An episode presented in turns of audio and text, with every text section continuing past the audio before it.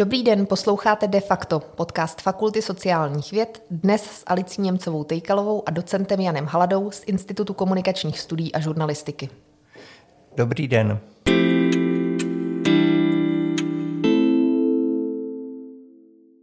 Honzo, ty nejen mě, ale celou uh, řadu a několik generací studentů a absolventů provádíš velmi často i od přijímacích zkoušek, ani ne až od prvního ročníku studia. Co tě přivedlo na Fakultu sociálních věd? Tak dvě věci. Ta první věc je ta, že já jsem po studiu filozofie a historie na Filozofické fakultě, tak jsem pracoval skoro 20 let v nakladatelství Mladá fronta. Pak jsem odešel do lidového nakladatelství, ale lidové nakladatelství po roce 1989 ztratilo raison d'être v tom, že teda to byla literatura zaměřená na vlastně tu východní Evropu, to znamená Sovětský svaz a jeho satelity. Přestože tam už tak od roku 85 vycházeli docela zajímaví autoři a dalo by se říct nástupem Gorbačového vedení i autoři, kteří tady vlastně de facto nemohli vycházet. No takže jsem se přihlásil na konkurs na Fakultu sociálních věd a byl jsem asi ze 17 nebo 18 přijat. A ten druhý důvod je ten, že já už jsem od roku 1978 přednášel externě, víceméně jsem si tím přivydělával na Vysoké škole ekonomické. Hodně kolegyň a kolegů si tě pamatuje právě z té specializace, která směřovala k té ekonomické žurnalistice právě na VŠE. Vzpomínáš na někoho ze svých absolventů nebo absolventek eh, zvlášť dobře? No, tak na některé si vzpomínám. Jeden byl potom dokonce členem bankovní rady. Některá jména ještě bych si pamatoval. A nejlepší bylo, když mě v 89., když mě v myslím v sobotu nebo když mě potkali někde na Václavském náměstí a ptali se, jdete s námi, tak jsem řekl, že jdu. Ale už ty kontakty pochopitelně už jsou slabší i s těmi kolegy, kteří tam byli. Ty se hodně zabýváš knihami, konec konců eh, bývalý redaktor eh, z nakladatelství. Hodně z nás si přivedl více i k literatuře faktu. Eh, co je na literatuře faktu tak zajímavé? No tak je otázka, co je pro mě zajímavé a co je pro čtenáře, ale já už jsem byl tak zvrhlý, že jsem si četl i ty strašné učebnice dějepisu tehdy a to, jak si mě přivedlo trošku potom k tomu studiu té historie a filozofie. Já jsem eh, v podstatě jsem chtěl sice dělat buď to historii nebo tu filozofii, ale tehdy tak bylo to v kombinaci, takže jsem, a nelituji toho, protože to je docela zajímavé spojení. No a když jsem začal v té Mladé frontě dělat, tak v ty první roky normalizace byly dost hrozný. Nicméně tam zůstala edice, to byl plot toho 68. roku, dvě edice a z nich jedna byla úplně nová a to byla edice Archiv. No a já jsem se toho postupně zmocnil a tu edici Archiv jsem eh, vlastně dělal až do, to, do té doby, do toho 88., co jsem byl v Mladé frontě. No a pak jsem dělal jako editor. Jako editor vlastně teď jsem skončil, i když pořád ještě na tom mám trošku jak nějaký podíl, tak jsem zase dělal od, tak, od takového roku 98, 9 edici polozapomenuté války. A ty polozapomenuté války jsou také velice prestižní edicí. A Myslíš? proč tedy literatura, proč literaturu faktu? No tak ta literatura faktu je po druhé světové válce je to taková, dejme, dalo by se říct, něco, co eh, lidi začalo víceméně zajímat, protože i když dnes žijeme, jak někteří říkají, v postfaktické době, tak ta literatura faktu uspokuje takové ty základní nároky na to, jak se to stalo, proč se to stalo bez jakéhokoliv nějakého přídavku toho, co prostě už je, není faktografické a co je nějaká fikce nebo co je i něco, co je prostě vymyšleného a tak. A je to v tom žebříčku takových těch oblíbených žánrů, je to pořád na druhém místě. Na začátku si to lidé pletli trošku s populárně vědnou, s populární vědeckou literaturou, ale teď už to je svébytný literární žánr. Na to jsem se nadechovala. Myslíš si, že v současné době, které se říká postfaktická, má ještě literatura faktu prostor a to si eh, v zápětí zodpověděl. Mě by eh, zajímalo, jestli vidíš eh, mezi svými studenty, jak postupně ubíhá čas proměnu jejich čtenářských preferencí, protože ty se vždycky ptal nás, co čteme, vím, že se ptáš i svých současných studentů, dokonce jste k tomu zpracovávali takový širší výzkum. Jak se to mění v čase, co studenti naši čtou? No tak pokud jde o tu pestrost žánru, tak ta je opravdu skutečně velice pestrá. A když se potom ptám studentů, tak eh, dejme tomu, že oni třeba preferují některé žánry, které například fantazy, že to dřív ještě před takovými 20-30 lety, že to ještě nebyl příliš známý žánr, ne příliš lidí to četlo ale té literatuře faktu zůstávají někteří ty studenti stále věrní, i když ta literatura faktu se jim transformuje do takových asi víc podob, širších podob, než třeba nám, když jsme vyznávali. Ono totiž také, kdo píše literaturu faktu, že tak jsou to buď to historikové, pak jsou to někteří věci z různých oborů a pak jsou to i žurnalisté. Že? A většinou spíš takoví ti, co tedy už nejsou jen ti prvoplánoví žurnalisté, ale co se vlastně věnují nějakému tomu oboru žurnalistiky specificky a co teda tomu zůstávají věrní, že jo? tak jsou to, dalo by se říct, publicisté, ono to zní lépe. Ty jsi na fakultě sociálních věd prošel celou řadou rolí. Akademický senátor, eh, velmi úspěšný eh, člověk na katedře marketingové komunikace a PR, vedoucí, eh, zástupce ředitele IKS, ředitel Institutu komunikačních studií a žurnalistiky. Vždycky se staral, ať už o druhé, nebo o studenty přímo zaměstnance a kolegy, anebo o studenty. Vždycky se zajímal. Máš takovéhle uh, snahy vlastně starat se o druhé už dlouho, třeba od základní střední školy. Byl jsi uh, šéfem různých part a oddílů a tak? No, chvíli to trvalo, než jsem vyzral do této role, abych pravdu řekl. Ale já nejsem konfliktní typ že? a snažím se s každým výjít, i když s každým nevyjdu a jsem rád, když se mi daří vytvářet nějaké takové, to slovo kolektiv nezní úplně nejlépe, že jo, protože nám to připomíná minulost, ale když ti lidé eh, nějakým způsobem se združují, setkávají se a drží spolu. Že jo. Myslím si, že ten v takovém tom žebříčku hodnot, a to zjišťuji, když se těch studentů ptám, že pořád ta hodnota toho přátelství přetrvává. I když ty hodnoty některé třeba už ztrácejí na významu, tak pořád vlastně je důležité, ať už je člověk mladší, starší, tak je ten, ten fenomén toho přátelství je pořád něco, co prostě má tu svou hodnotu a platnost. Že? Takže no, to byla taková chvála, co jsem od tebe slyšel, až si říkám, jestli to skutečně takhle je, ale mne to prostě baví. Baví tě nejen práce tady, eh, ale baví tě taky sport. Ty jsi vášnivý sportovec. Eh, jak ti jde tenis ještě pořád? No, už jsem přemýšlel začátkem roku, že už bych toho mohl nechat, protože abych hrál tenis, abych hrál dvouhru, tak to už asi bych tak vydržel půl hodiny ani ne, ale tu čtyřhru ještě jsem schopen hrát a někdy si kladu otázku, jak to, že ještě si mnou ti ostatní, mimochodem také z fakulty, já jsem tady zažil plno spoluhráčů, že jo, kteří, s kterými jsme chodili do hostivaře, chodíme tam pořád a je to něco, co mě ještě baví a když jsem teď minulý týden zjistil, že se zase do toho Míše už trefím lépe než předchozí týden, tak mi to vlilo takovou větší naději. A pokud jde o ten stolní tenis, tak to hrají pořád, ale to nějak tak jako se dá zvládat v tomhle tom, tak si, no baví mě to. Ty jsi takovým klasickým zobrazením člověka, který razí to, čemu se dneska modně říká work-life balance, eh, že velmi dobře si vždycky zvládal vlastně to, tu pracovní zátěž a k tomu eh, všechny ty eh, věci kolem. Máš na to nějaký recept, protože dneska se na to studenti a studentky často ptají, jak to vlastně udělat, jak si udělat život hezký.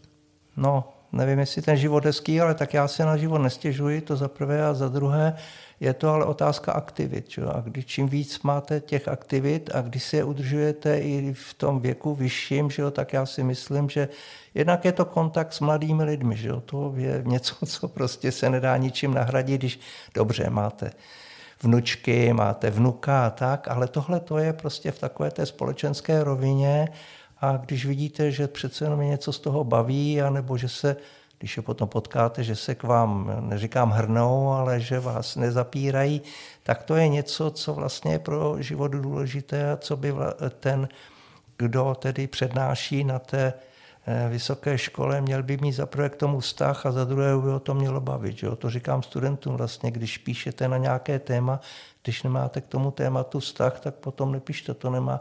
Ten vztah může být pozitivní, ale i negativní, ale musí tam ten vztah být.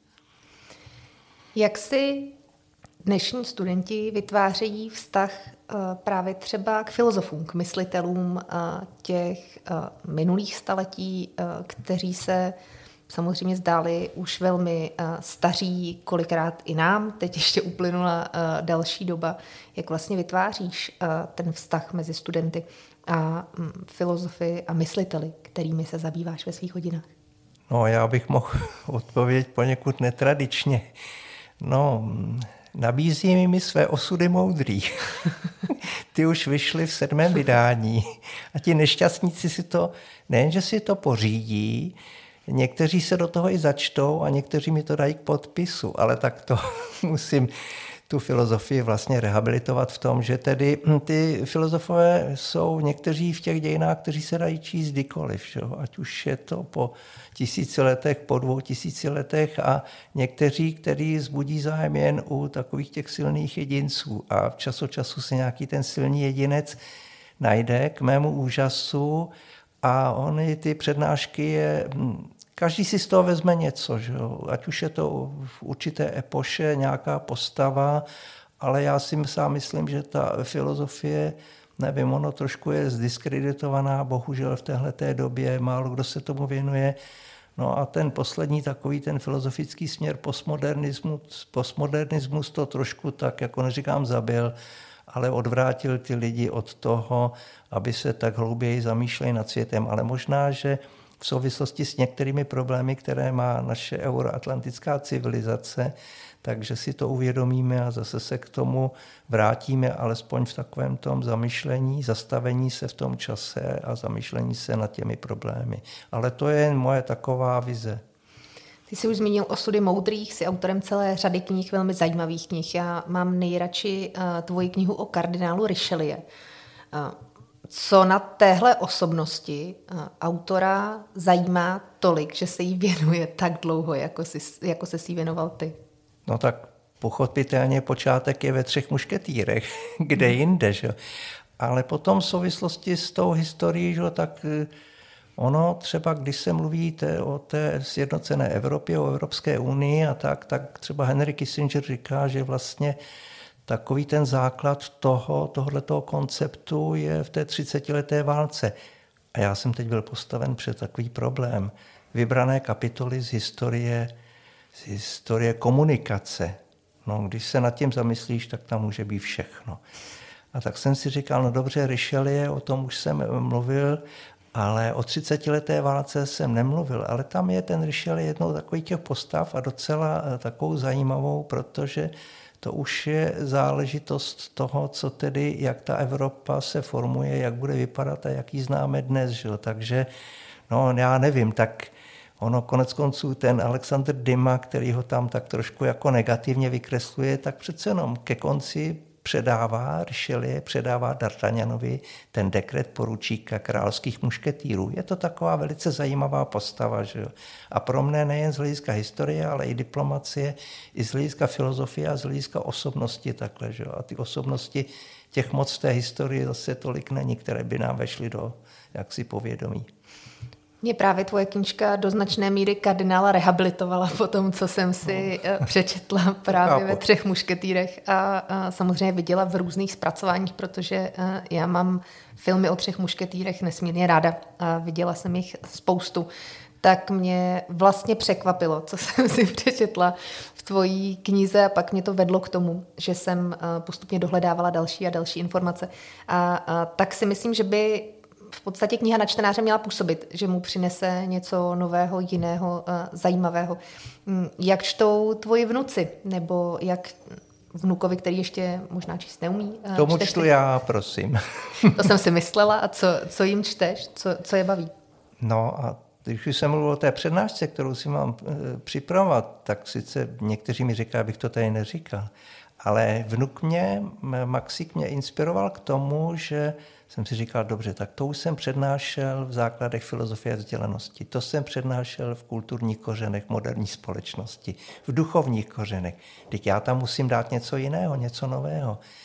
A tak jsem se ptal, když byl e, právě ten den, e, vlastně, kdy jsme představovali marketing a žurnalistiku a tak, a tak jsem si e, uvědomil, že bych se mohl zeptat, co do té přednášky mám dát studentům. No a zeptal jsem se jedné studentky a ta řekla, začněte antikou, to vám jde. no, tak jsem začal antikou, ale nezačal jsem řeckém, ale začal jsem Cezarem, který je prostě takovou postavou velice výraznou i z hlediska tého, té komunikace, že? na venek i dovnitř a tak. No a přivedl mě k tomu Maxi, který se dívá na Asterixe.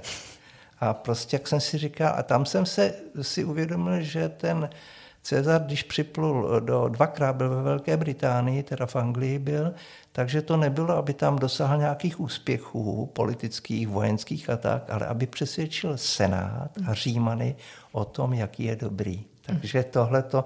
Pak jsem si o něm přečetl víc, když jsem ho znal a z toho se zrodilo vlastně ten nápad představit to i těm studentům. To je inspirace Maxíkem. Co vnučky, které už umí číst, to čtou?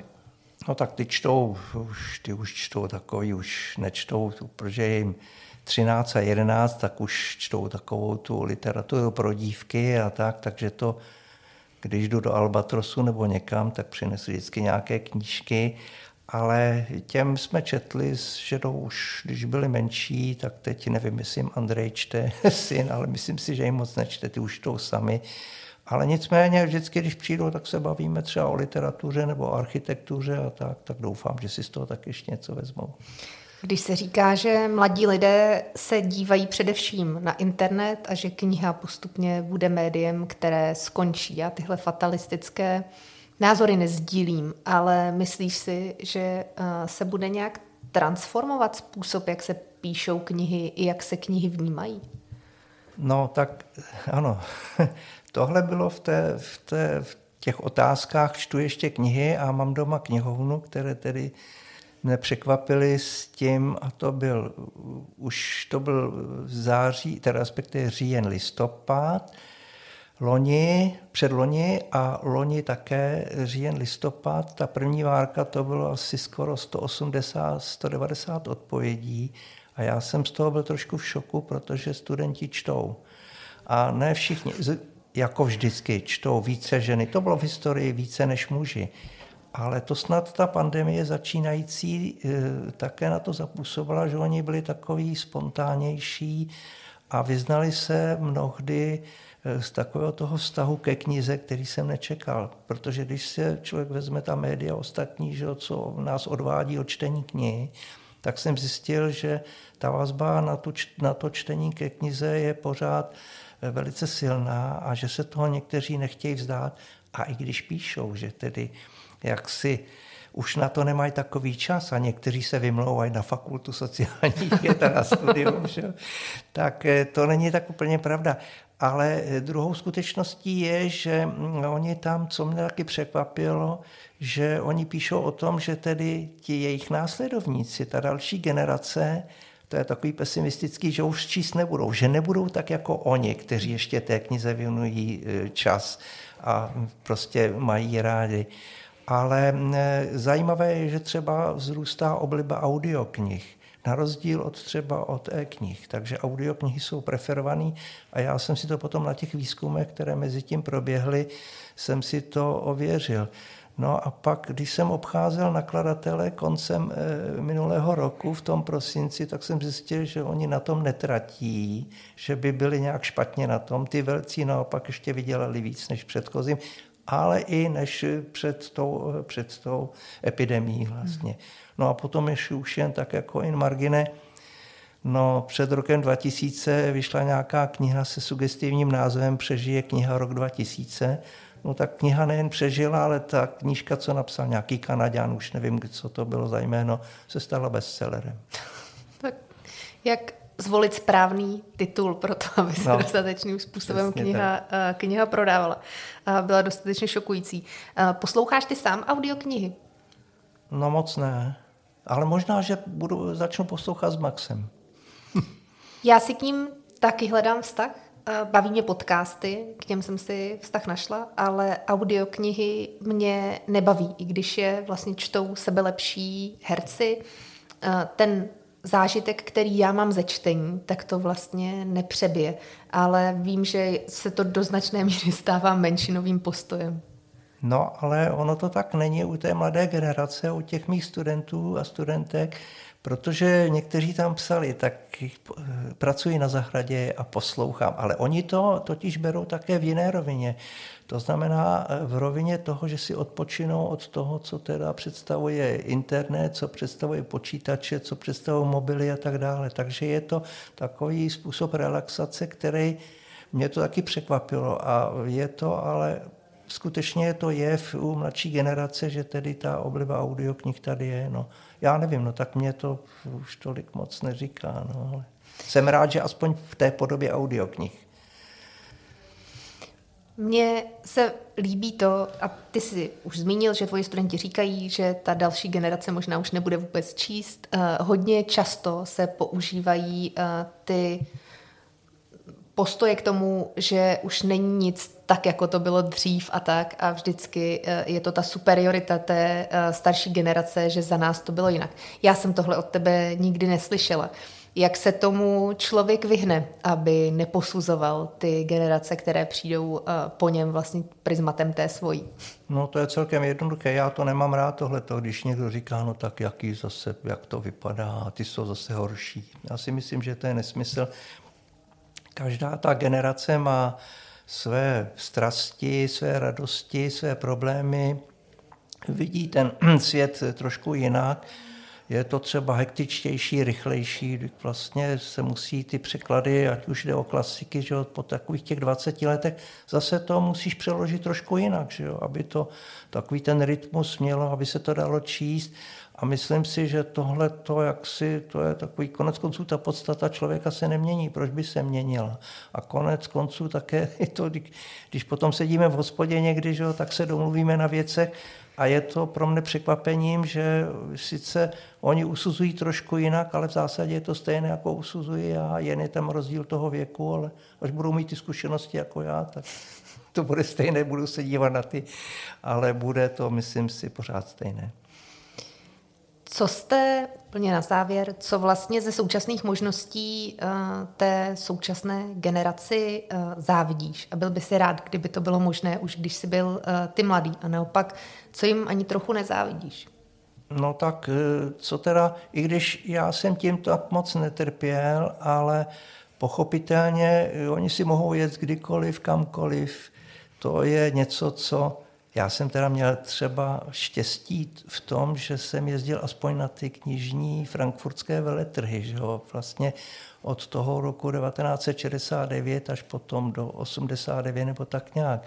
Takže to, že s takovou, s takovou bezstarostností když vám řekne nějaká studentka, no, příští týden tady nejsem, jsem v Bruselu, nebo jsem v Kostarice, nebo kde. Takže to, ale to není závis, to si říkám, tak aspoň jsem měl to štěstí. Já jsem zase měl z toho takovou radost, když jsem si mohl přivést něco z toho západního Německa, co tady nebylo a tak. No pak to po 89. tyhle radosti odešly, že jo? bylo to samozřejmostí.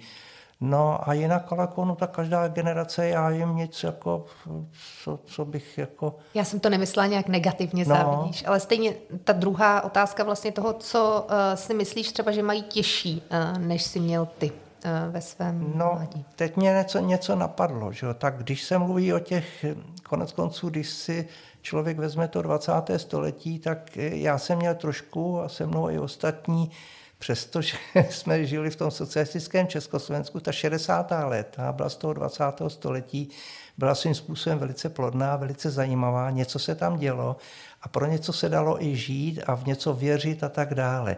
Takže to si myslím, že jim takové ty stimuly, generační, které my jsme měli, ale to byla v tom 20. století opravdu výjimka, tak to oni tohle to moc nemají. A někdy mi přijdou zvlášť ty kluci, že, jako, že by mohli být trošku aktivnější a že tedy, když se to vezme ve vztahu eh, k děvčatům, že jo, takže asi nejsou už takový, jako jsme byli my, víc jsme chtěli něco, víc jsme se chtěli prosadit a tak.